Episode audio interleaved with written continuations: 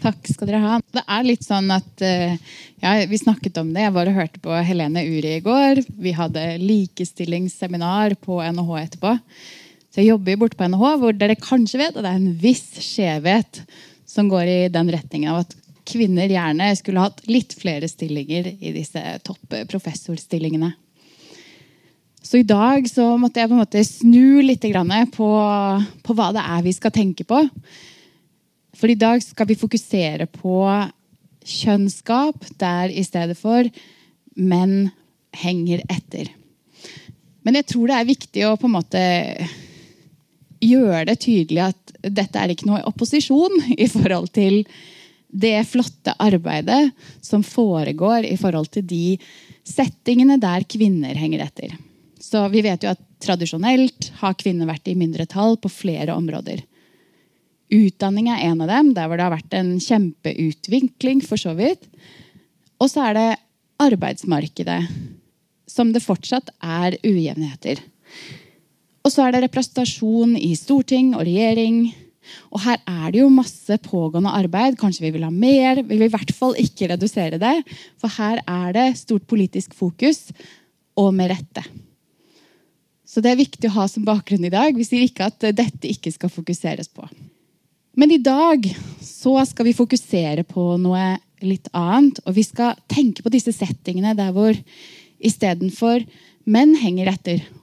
Og det vi spesifikt skal se på i dette prosjektet, er om vi syns det er litt mer moralsk akseptabelt de settingene der hvor menn henger etter, enn de settingene der hvor kvinner henger etter. Og dette er et prosjekt som jeg har jobbet med sammen med Alexander Cappelen og Bertil Tungodden på NHH. På en, eh, I en forskningsgruppe som heter FAIR. Og mitt navn er da Ranveig Falk. Jeg er postdoktor og jobber der til daglig. Og bl.a. med da denne tematikken.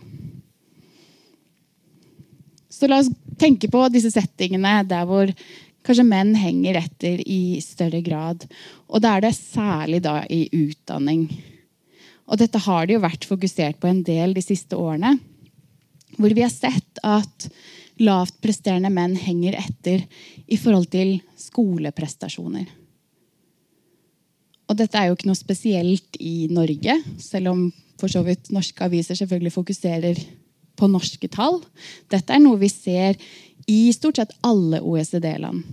Så det er ikke noe spesielt som skjer i Norge, eller noe spesielt vi gjør i Norge, som får dette til å skje. Dette er en trend vi ser stort sett i alle OECD-land. Og så må jeg si at disse Tallene som jeg kommer til å snakke om mye i dag, denne undersøkelsen er gjennomført i USA. Og Der ser man også en veldig stor nedgang i deltakelsen for menn i arbeidsfør alder. Sånn at det er en mye større andel nå enn tidligere av menn som ikke er i utdanning, ikke er i arbeid, ikke er arbeidssøkende, men som på en måte er litt utenfor. Og det man gjerne også kanskje ser, er at på enkelte helse- og velferdsmål så er det også en litt sånn nedgang her. Sånn at man kanskje da heller ikke stifter familie ja, Man ser litt negative statistikker på noen av disse områdene. Og det er de settingene vi skal snakke litt om i dag. Men hovedspørsmålet er disse settingene der hvor menn eller gutter henger etter. Tenker vi litt ulikt på de? Syns vi kanskje det er litt mer akseptabelt av en eller annen grunn enn det vi tenker på når vi tenker på kvinner som henger etter? Og heldigvis for meg så har jeg ingen Jeg skal bare se på empiri. Så jeg skal ikke ha noe, noe svar som kommer direkte fra meg. Vi skal eh, titte på hva folk da i USA, i en representativ gruppe amerikanere, tenker om dette. Men først litt om denne utfordringen da i forhold til utdanning. Her er det tall fra USA og OECD som er hentet fra PISA, hvor 15-åringer testes i tre hovedgrupper av fag. Det er språk, det er naturfag, og det er matte. Det vi ser, er at andelen som bare presterer dårlig i alle disse fagene, er større når man ser på gutter enn når man ser på jenter. Så i USA for så er det 15% av guttene når de testes her i, PISA, i denne PISA-testen i USA, som presterer dårlig på alle disse områdene. Mens det tilsvarende tallet for jenter er 9% og igjen, Det er ikke noe spesielt med USA. Dette finner vi i Norge. Dette ser vi her også i OECD. At dette er en trend som vi ser eh, ja, stort sett eh, overalt i OECD-landene. Det vi kan tenke fra Norge, er jo f.eks. at vi har disse tallene når det kommer til frafall i skolen. Så I Norge så er det f.eks. 30% av guttene som ikke fullfører videregående skole innen fem år. Mens det tilsvarende tallet er 20% for jenter. Og her er det jo, ikke, er det jo bare viktig å Det er jo kjempehøye tall for begge grupper. Så det er jo bare å, å, prøve å finne en løsning på det. Men det er likevel spesielt, og vi har lyst til å finne ut litt sånn hva, hva er det man tenker da, om denne settingen der hvor gutter henger etter i stedet for jenter. Et annet område er jo høyere utdanning, hvor på en måte denne trenden egentlig fortsetter litt. Så dette er andelen kvinner og menn i Norge med høyere utdanning i aldersgruppen 30 39. Og det vi jo vet, er at tidligere så var det jo slik at menn i større grad hadde høyere utdanning enn kvinner. Mens her så ser dere i 1990 så på en måte snudde dette forholdet. Og fra da av så ser vi at i denne aldersgruppen så er det kvinner som har tatt mer høyere utdanning enn menn. Og det er ikke noe sånn at det er en stabiliserende, avtagende trend. eller noe sånt. Det er en forskjell som øker og øker. Og dette har jo også vært oppe i media, så vi, vi kjenner litt til det. Vårt forskningsspørsmål er om vi syns det er mer moralsk akseptabelt at menn henger etter enn kvinner. Og det kan jo på noen måte si noe om hva vi har lyst til å gjøre med det. Og vi skal grave litt i på en måte én syns vi det er mer akseptabelt. Og hvis vi finner at det er det, ja, hvorfor er det? I hvilke tilfeller? I hvilke settinger? Hva er grunnene? Så det er det vi skal titte litt på i dag.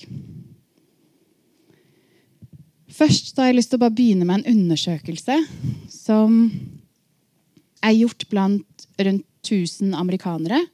Der vi prøver å se bare helt generelt når vi titter på verden, har vi denne følelsen av at vi tenker litt ulikt på lavtpresterende menn i forhold til lavtpresterende kvinner. Så vi har spurt dem helt generelt om de tenker, hva de tenker om en lavtpresterende, lavtpresterende menn. Er det sånn at vi tenker at det i stor grad skyldes manglende innsats at de har endt opp der? Og så har vi stilt det samme spørsmålet i forhold til lavtpresterende kvinner. Og det vi gjør da, er å spørre disse 1000 deltakerne, men vi randomiserer hvem som får hvilket spørsmål. Og randomiseringen her er jo litt viktig for å kunne lese noe ut av denne undersøkelsen. i det hele tatt. Og bare fordi dette er viktig i forhold til det vi skal gjøre senere, så skal jeg forklare det ordentlig. Det det betyr, er at vi har disse 1000 deltakerne. Vi deler dem inn i to grupper ved å tilfeldig fordele dem, sånn at det er 500 i hver. Og da vil disse to gruppene etter all sannsynlighet være like i gjennomsnitt. Så de er like med tanke på de observerbare karakteristikkene, sånn alder, utdanningsbakgrunn Sånne ting vi egentlig kan kontrollere for. Men de er også like i snitt når det kommer til uobserverbare karakteristika. Preferanser, hvilke kjønnskap de tenker på, den type ting. Og det er litt viktig når vi nå skal eh, se på denne forskjellen. Så det vi spør dem, er Vi observerer at noen menn henger etter i utdanning og i arbeidsmarkedet. I hvilken grad er du enig med følgende påstand? når menn henger etter i utdanning og i arbeidsmarkedet, reflekterer de i stor grad deres egen manglende innsats. Og her kan man svare på en skala fra veldig uenig til veldig enig. Og dette spørsmålet får 500 av dem. Og så får den andre delen, da bytter vi ut ordet menn med kvinner. Og så kan vi jo se på resultatene. Og nå har jeg jo kanskje bygd opp til dette litt, så ikke superoverraskende. Men det er en forskjell i hva vi tenker om lavtpresterende menn i forhold til de som presterer lavt innen utdanning og arbeidsmarked i forhold til lavtpresterende kvinner. Dette er andelen som er enig med at det at man er lavtpresterende her, skyldes manglende innsats i stor grad. Og da ser vi at Når det gjelder kvinner som henger etter, så er det ca. 40% som er enig i at ah, det skyldes nok i stor grad manglende innsats. Mens når det gjelder menn, så er denne andelen høyere. Jeg tror det er opp mot 55% som er enig med at ja, det i stor grad skyldes manglende innsats. Men det dere kanskje har tenkt mens dere har sittet der, er at dette er jo ja, det er en veldig stor setting. Man tenker kanskje på ulike kjønnskap. Kanskje er det rett og slett ulikheter her. Hvem vet? Masse som skjer når man er ute i denne virkelige verden. Og mange ulike kjønnskap man kan få å forestille seg når man blir stilt dette spørsmålet om det handler om kvinner eller om det handler om menn. Sånn at For å på en måte belyse dette videre om dette kun er det man har At det faktisk er noe sånn ulikhet i hva man syns er moralsk akseptabelt for lavpresterende kvinner eller menn, eller om det handler om bare tenke på ulike settinger her. Hadde det vært menn i den settingen, så, så hadde jeg syntes at det var mindre akseptabelt. Derfor har vi et lab-eksperiment. Og det er noe vi holder på med mye borte på Fair på Handelshøyskolen. Eh, for mitt fagområde ligger litt imellom økonomi og psykologi. Det heter atferdsøkonomi. Og her bruker vi det som kalles eksperimenter for å ja, finne ut av folks moralske preferanser, f.eks. Og noen av fordelene med denne eksperimentelle metoden det er at man kan kausalt identifisere mekanismer. Og dette er jo kanskje noe dere kjenner igjen veldig fra medisinen. Og det er jo mye som er tatt direkte derfra. Jeg tenkte at Det var en kjempegod idé. La oss gjøre det innen økonomi også. Så denne randomiseringen som vi f.eks. tenkte på, det er jo akkurat det samme som når de i medisin tilfeldig fordeler folk i to grupper, denne randomiseringen, og gir den ene gruppen en medisin, den andre en placebo. Og da vet du at siden disse to gruppene er helt like i snitt på observerbare og uobserverbare karakteristika, så er enhver forskjell man ser i snitt mellom disse gruppene, det må skyldes medisinen. Det må skyldes det du som forsker gjorde forskjellig i forhold til disse to gruppene. Så det utnytter vi også i økonomi. Og så er det dette poenget med kontroll. At fra denne undersøkelsen jeg snakket om, så er det bare tusen ting som foregår. Fordi når man tenker på arbeidsmarked og utdanning og, og hva som skjer der, så er det altså så mye. Så det vi gjør, er å gå inn i laben og nesten, ja, vi lager et kontrollert arbeidsmarked. Hvor vi lager settingen, så vi vet akkurat hva som skjer. Og vi kan bestemme hva som varierer.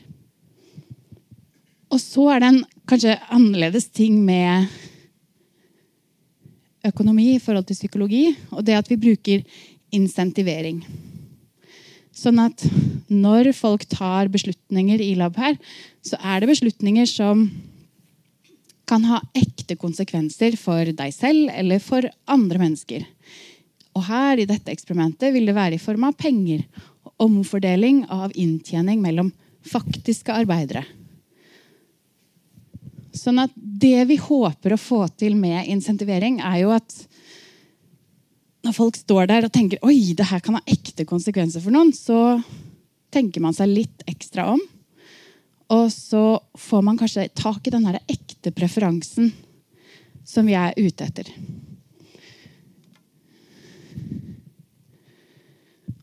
Og så er det to ting jeg bare har lyst til at vi skal ha med oss når vi går videre. For vi kommer til å bruke disse eh, Snakke ut fra disse formene for diskriminering. Og I økonomi så tenker vi på to typer diskriminering. Så er det mye større, og det er på en måte ulike eh, tanker her. Men det er greit å ha med seg disse definisjonene likevel. Det ene er smaksbasert diskriminering. Taste-based discrimination. Og det er rett og slett diskriminering på bakgrunn av at man misliker en gruppe. Så tenk f.eks.: Jeg misliker kvinner. Ja, da vil jeg f.eks. som arbeidsgiver ikke ønske å ansette kvinner, selv om jeg vet at de kanskje ville bidratt positivt inn i min bedrift. Men jeg misliker de, så jeg ønsker ikke å ansette de. Så jeg gir opp noe fordi jeg misliker denne gruppen. Og så har man statistisk diskriminering. Og det tar mer utgangspunkt i informasjonsproblemer. Så tenk en arbeidsgiver igjen som har en eh, potensiell arbeidstaker på intervju. Og så har jeg veldig lyst til å bare vite hvor mye innsats kommer denne arbeidstakeren til å bidra med, hvor produktiv kommer den til å være. Men det vet jeg jo egentlig ikke.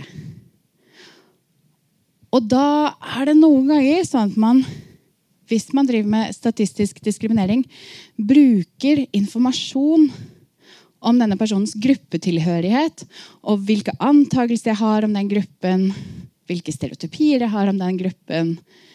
Så informasjon om den gruppen som denne kandidaten tilhører, til å trekke konklusjoner om det ene individet som sitter foran meg. Og det er selvfølgelig noe som vi vet, alle sammen, at et individ er jo ikke akkurat representativ for sin gruppe. Her er det kjempevariasjoner. Sånn at dette, særlig for personer som tilhører grupper hvor folk har stereotypier eller antakelser eller tanker om at f.eks. denne gruppen er mindre produktiv eller eh, mindre, kommer til å gi mindre innsats, så er det større sjanse for at personer som tilhører den gruppen, vil bli utsatt for negativ diskriminering. Så til det vi skal gjøre igjen.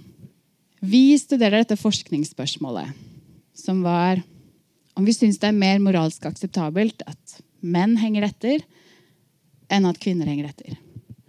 Og det gjør vi i et kontrollert arbeidsmiljø, som jeg skal beskrive snart. Og vi har et eksperimentelt design der en tredjepart også kalt en spectator, avgjør hvor mye arbeidsinntekt som skal omfordeles til en lavt presterende arbeider. Og Hovedfokuset her er jo om det er forskjellsbehandling som skjer i forhold til kjønn på den lavpresterende arbeideren. Og det fine med å gå inn i laben her er at vi kan først finne ut av dette spørsmålet. Men så, hvis vi finner at det er en forskjellsbehandling, så kan vi grave litt i litt sånn, hva er det for slags mekanismer. Hva er det det kan skyldes? Hvordan er det det kan slå ut i andre settinger? Eh, og da kommer vi til å bruke evidens både fra eksperiment og fra enda en undersøkelse. Så settingen her er egentlig ganske simpel. Det er bare to arbeidere. Og her har du to arbeidere, en mann og en kvinne, som gjør et arbeid for oss. Og disse er ekte mennesker. Og um, de får egentlig to dollar bare for å være med i det hele tatt.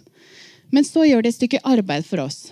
Og etter at de har gjort det arbeidet, så får de vite at lønnen for det arbeidet det blir bestemt ut fra hvem av dem som var mest produktiv. Og den mest produktive mottar hele lønna som er seks dollar. Den andre mottar ingenting. Så de har gjort samme jobben. Én var mer produktiv, får seks dollar. Den andre mindre produktiv, får ingenting. Og så er det vi er interessert i, det er at vi tar inn en tredje person som får vite om denne situasjonen, får vite om arbeiderne, det arbeidet som er gjort. Og så kan denne tredje personen velge å omfordele og det den tredjeparten vet om disse to, det er bare at de begge to er fra USA. De er samme alder. Og så vet man kjønn. Og denne tredjeparten er anonym. Så hvis jeg velger å omfordele, så er det ikke sånn at disse arbeiderne får vite hva jeg gjorde, og jeg er litt redd for hva de tenker om meg. Og årsaken til det er jo at jeg har veldig lyst til at det skal ikke være fokus der. Jeg har lyst til å vite deres egentlige preferanse. Og igjen så er det ekte penger her for å få tak i denne preferansen. For å få dem til å tenke seg ordentlig om. Og her er det jo da at denne tredjepersonen blir tilfeldig valgt ut til å omfordele i én av to situasjoner. Enten så får denne tredjepersonen en setting der hvor det er en mann som har vært mindre produktiv, og en kvinne som har vært mer produktiv. Eller så får den en setting som er akkurat omvendt. En kvinne som har vært mindre produktiv, og en mann som har vært mer produktiv. Og det er aldri sånn at en tredjeperson får begge settingene, for da tror jeg det har vært forvirring, og man skjønner veldig godt hva vi er ute etter. Så du får bare én sånn setting å forholde deg til. Og noe om utvalget vårt. Disse arbeiderne de er rekruttert via et internasjonalt nettbasert arbeidsmarked som kalles Mturk. Vi er ikke superopptatt av de, for de gjør ikke noe valg. De gjør et stykke arbeid og er egentlig ganske fornøyd med lønna. stort sett. Eh, og så er det disse spectators, som er tredjepartene. De er vi jo veldig interessert i valgene til. Så dette er en, et representativt utvalg amerikanere når det gjelder en del observerbare karakteristika. Altså alder, kjønn og geografi. Og de er rekruttert via et internasjonalt datainnsamlingsbyrå, TNS Gallup. Og det er faktisk så mange som 14 521 deltakere så det er nokså mange som har tatt den type beslutninger. Det betyr også at vi har ikke hatt råd til å implementere alle disse beslutningene. Men det de har fått vite, er at det er en sjanse for at deres beslutning vil bli implementert. Så man må på en måte forholde seg til at den avgjørelsen jeg tar nå, det valget jeg tar nå, det kan bli implementert for ekte arbeidere. Og her er de valgene de har tatt i denne settingen. Hvor mye har de overført av disse seks dollarene til den mindre produktive arbeideren? Og da tenker vi alle, eh, alle settinger. Så det vi ser, er at ca. en tredjedel av dem velger å ikke overføre noe som helst. Så de lar den ulikheten forbli og tenker det er greit. Kanskje det er ikke min ting å blande seg opp i. Kanskje syns de det er rettferdig. Hva vet jeg. De lar det forbli. Og så er det ca. en tredjedel som velger å overføre tre dollar til den mindre produktive arbeideren. Som betyr at de ønsker likhet mellom de to arbeiderne. Og så er det en del midt imellom her som velger et mellomalternativ. De står også fritt til å overføre enda mer til den mindre produktive arbeideren enn det da den høyt produktive arbeideren ender opp med. Men Heldigvis er det veldig få som gjør det, for da hadde vi kanskje vært litt i tvil om de hadde lest instruksjonene. For det er litt sånn rart valg. Så det, det setter vi pris på at uh, ikke så mange gjorde. Og så er hovedspørsmålet vårt igjen er Er det en forskjell i hvor mye disse tredjepartene overfører til den mindre produktive arbeideren, avhengig av kjønnet på den mindre produktive arbeideren? avhengig av om det er en kvinne som er mindre produktiv enn mann, eller omvendt. Og her ser vi på andelen som overfører ingenting, til eh, kvinnen som er eh, lavtpresterende. Og det er omtrent 30 Så hvis det er en sånn kjønnsforskjell i den eh, måte, retningen som vi har snakket om, så vil andelen som overfører ingenting, være større hvis det er en mann som er lavt presterende. Og det ser vi. Så det er ca. 40% som velger å overføre ingenting dersom det er en mann som har vært mindre produktiv. Så her står vi litt og ser ja, vi ser denne forskjellen i hvor mye man aksepterer ulikheter, hvor mye man aksepterer denne forskjellen i inntjening avhengig av hvilket kjønn som er lavt presterende. Men vi vet foreløpig ikke så mye om hvorfor. Så for å titte litt mer på det, så kan vi først se på en heterogenitetsanalyse. Er det sånn at dette kanskje bare er noe kvinner driver med? Altså som tredjepart? Er det noe bare republikanere driver med? Eh, så vi titter litt på det. Det vi kan si om det, er at om vi ser på disse tredjepartene, om de er menn, kvinner, republikanere, ikke-republikanere, høy alder, lav alder, høy inntekt, lav inntekt Alle driver med dette. Alle forskjellsbehandler på denne måten. Det er likevel interessant å se når vi tenker sånn i snitt, da, når vi ikke tenker på denne forskjellsbehandlingen, så er det jo likevel sånn at, som vi kanskje kan anta, at hvis jeg er en kvinnelig tredjepart, så omfordeler jeg i snitt mer enn en mann, en mann som har, samme, har samme setting. Og, men det er ikke noe større forskjellsbehandling. da. Og samme med ikke-republikanere. At de omfordeler i snitt mer i denne situasjonen hvor det er en ulikhet. Det er bare at du ser denne forskjellsbehandlingen. Den ser du uavhengig av politisk ståsted. Så da må vi titte et annet sted. Eh, og her har vi en undersøkelse som vi har brukt for å se på hva de tenker om innsats da, i akkurat denne settingen.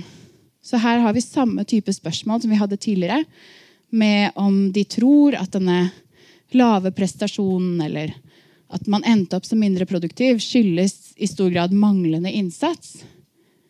Og hvordan det varierer med, med kjønn. Men da ser vi spesifikt på hva de tenker om akkurat den situasjonen vi har presentert dem for. Og så har vi noen ekstra treatments, så, eller ekstra variasjoner som gjør at vi kan se nærmere på, på mekanismer her. Og her er det en figur som viser først akkurat det vi nettopp så, nemlig at andelen som overfører ingenting, den er større når det er en mann som henger etter, enn når det er en kvinne som henger etter.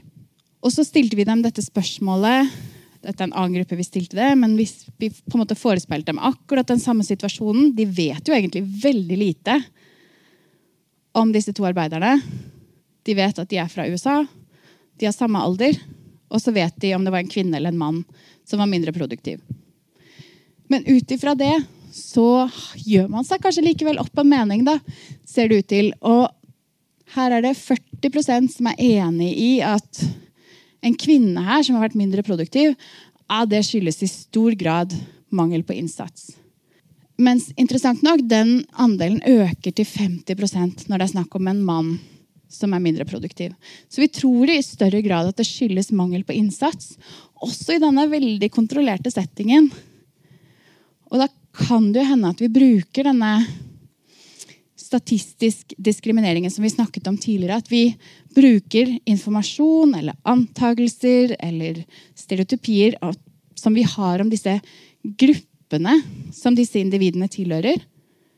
Og så tenker vi at når vi har disse to individene ja, Jeg vet jo ikke hva slags innsats. Hvorfor spør de om det? Det er veldig vanskelig å vite. Men så spør vi dem likevel, og da har man en tanke kanskje, som påvirkes av det man tror om gruppene som påvirker og viser at man kanskje har en tro om at lavpresterende menn da, yter mindre innsats enn lavpresterende kvinner. Og Her er det jo også interessant å tenke hva er det det egentlig betyr. da? Det kan bety at man generelt tenker at lavpresterende menn de bare yter lite innsats. Det er en tanke man kan ha. Eller man kan også ha en tanke om at for at en mann eller for at en kvinne skal kunne være mer produktiv enn en mann, så må hun yte kjempeinnsats. For en mann er jo utgangspunktet bedre, mer talentfull. Hva nå en slags stereotypier og antakelse man har om det.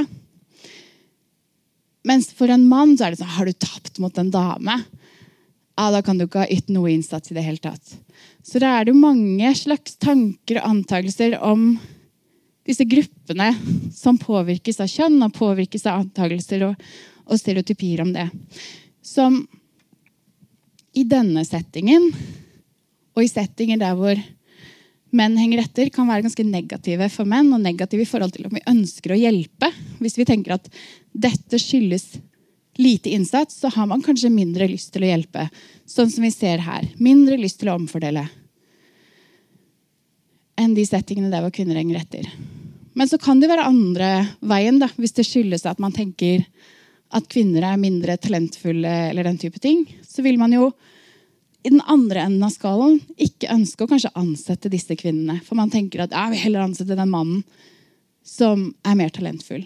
Så alle disse stereotypiene og antakelsene vi har, de kan jo påvirke negativt. Hvilket kjønn er litt avhengig av setting. Men vi har lyst til å grave enda mer i hva det er som gjør at vi forskjellsbehandler her. Og En av de tingene vi gjør da, det er å introdusere nok en variasjon. Sånn er det igjen. Helt andre tredjeparter, for vi vil ikke forvirre eh, disse personene. Så de får bare én setting, alle sammen. Men her er det noen som blir presentert for en setting hvor i stedet for at denne ulikheten skyldes forskjeller i produktivitet, så skyldes den forskjeller i flaks. Så rett etter at disse har gjort akkurat samme type arbeid, så får de beskjed om at det dere tjener på dette arbeidet, det kommer til å bli stemt av et lotteri. Og den som er heldig, får seks dollar. Den som er uheldig, får ingenting. Så det har ikke noe med innsats eller produktivitet å gjøre. Det har bare med flaks å gjøre. Og her igjen så manipulerer vi jo om det er en mann som er uheldig, og en kvinne som er heldig, eller omvendt. Og så ønsker vi å se om det er en forskjellsbehandling også her. For her kan jo egentlig ikke disse tankene om innsats påvirke i like stor grad. Men det er jo likevel noen ting som kan være med her. Nemlig f.eks. smaksbasert diskriminering. Som handler om det at jeg misliker en av disse gruppene i større grad. Så vi kan tenke at jeg misliker menn. Og da vil jeg i større grad ende opp med å omfordele til en kvinne enn til en mann.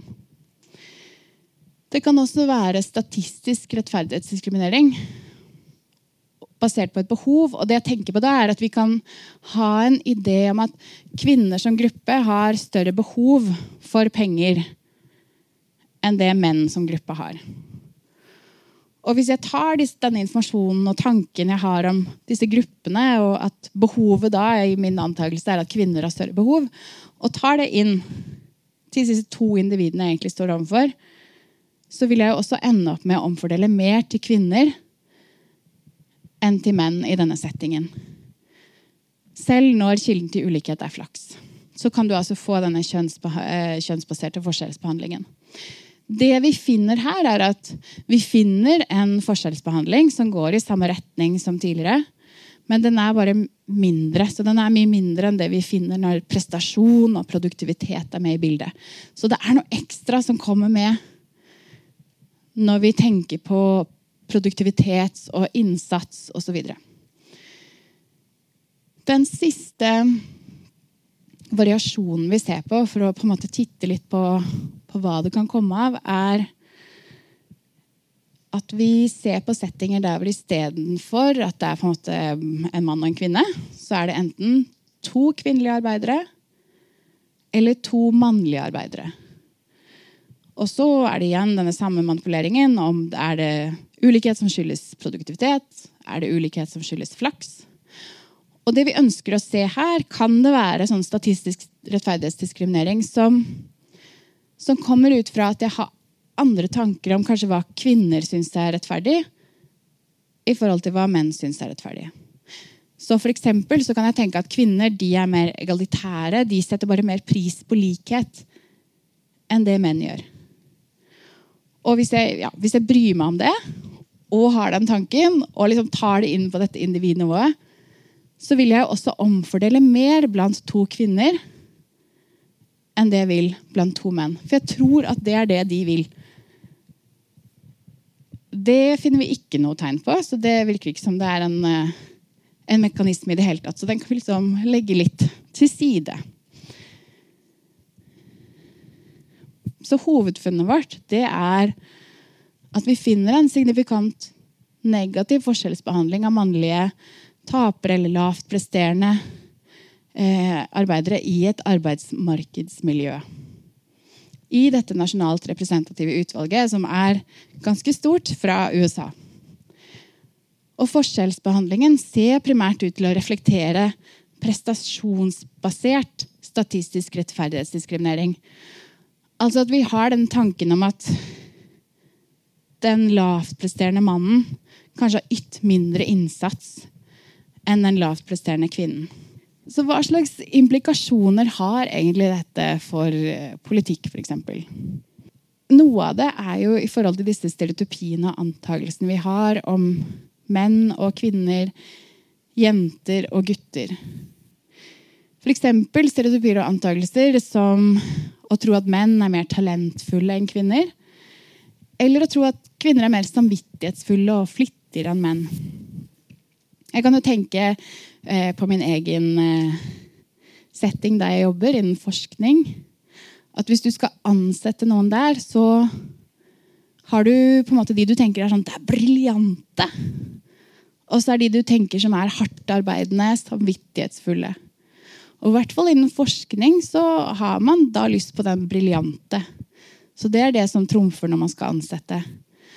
Og disse antakelsene da, hvis man tar det med inn i intervjusettingen Og ofte så er det jo noe vi ikke tenker på i det hele tatt. Så dette er jo ikke bevisste tanker. Det er bare noe vi har vokst opp med å ha med oss.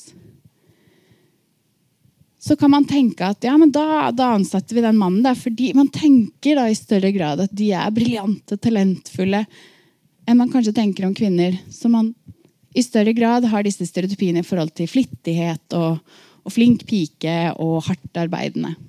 Og det viktige da er jo å identifisere disse kjønnsstereotypiene og så arbeide med å redusere dem.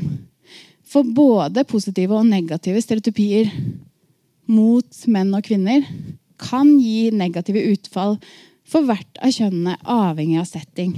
Sånn at det, eh, dette treffer jo da de lavtpresterende mennene ganske hardt. da, Når man tenker at ja, men det skyldes manglende innsats, har man da kanskje i mindre grad lyst til å gjennomføre politikk som kan skape mer balanse. Men også i forhold til f.eks. For kjønnskvotering av kvinner inn. Hvordan påvirker det hva folk tror om innsatsnivået hos menn og kvinner? Så der kan det treffe kvinner på en negativ måte. Så disse tankene vi har, det det er noe vi må jobbe med. Og noe jeg er glad at jeg var på dette Helene Uri-seminaret i går og fikk virkelig påpekt det språket vi bruker, og hvilke fortellinger vi, vi, vi snakker ut ifra når vi bare snakker til barna våre eller, eller snakker til hverandre. Ja, det var det. Tusen takk.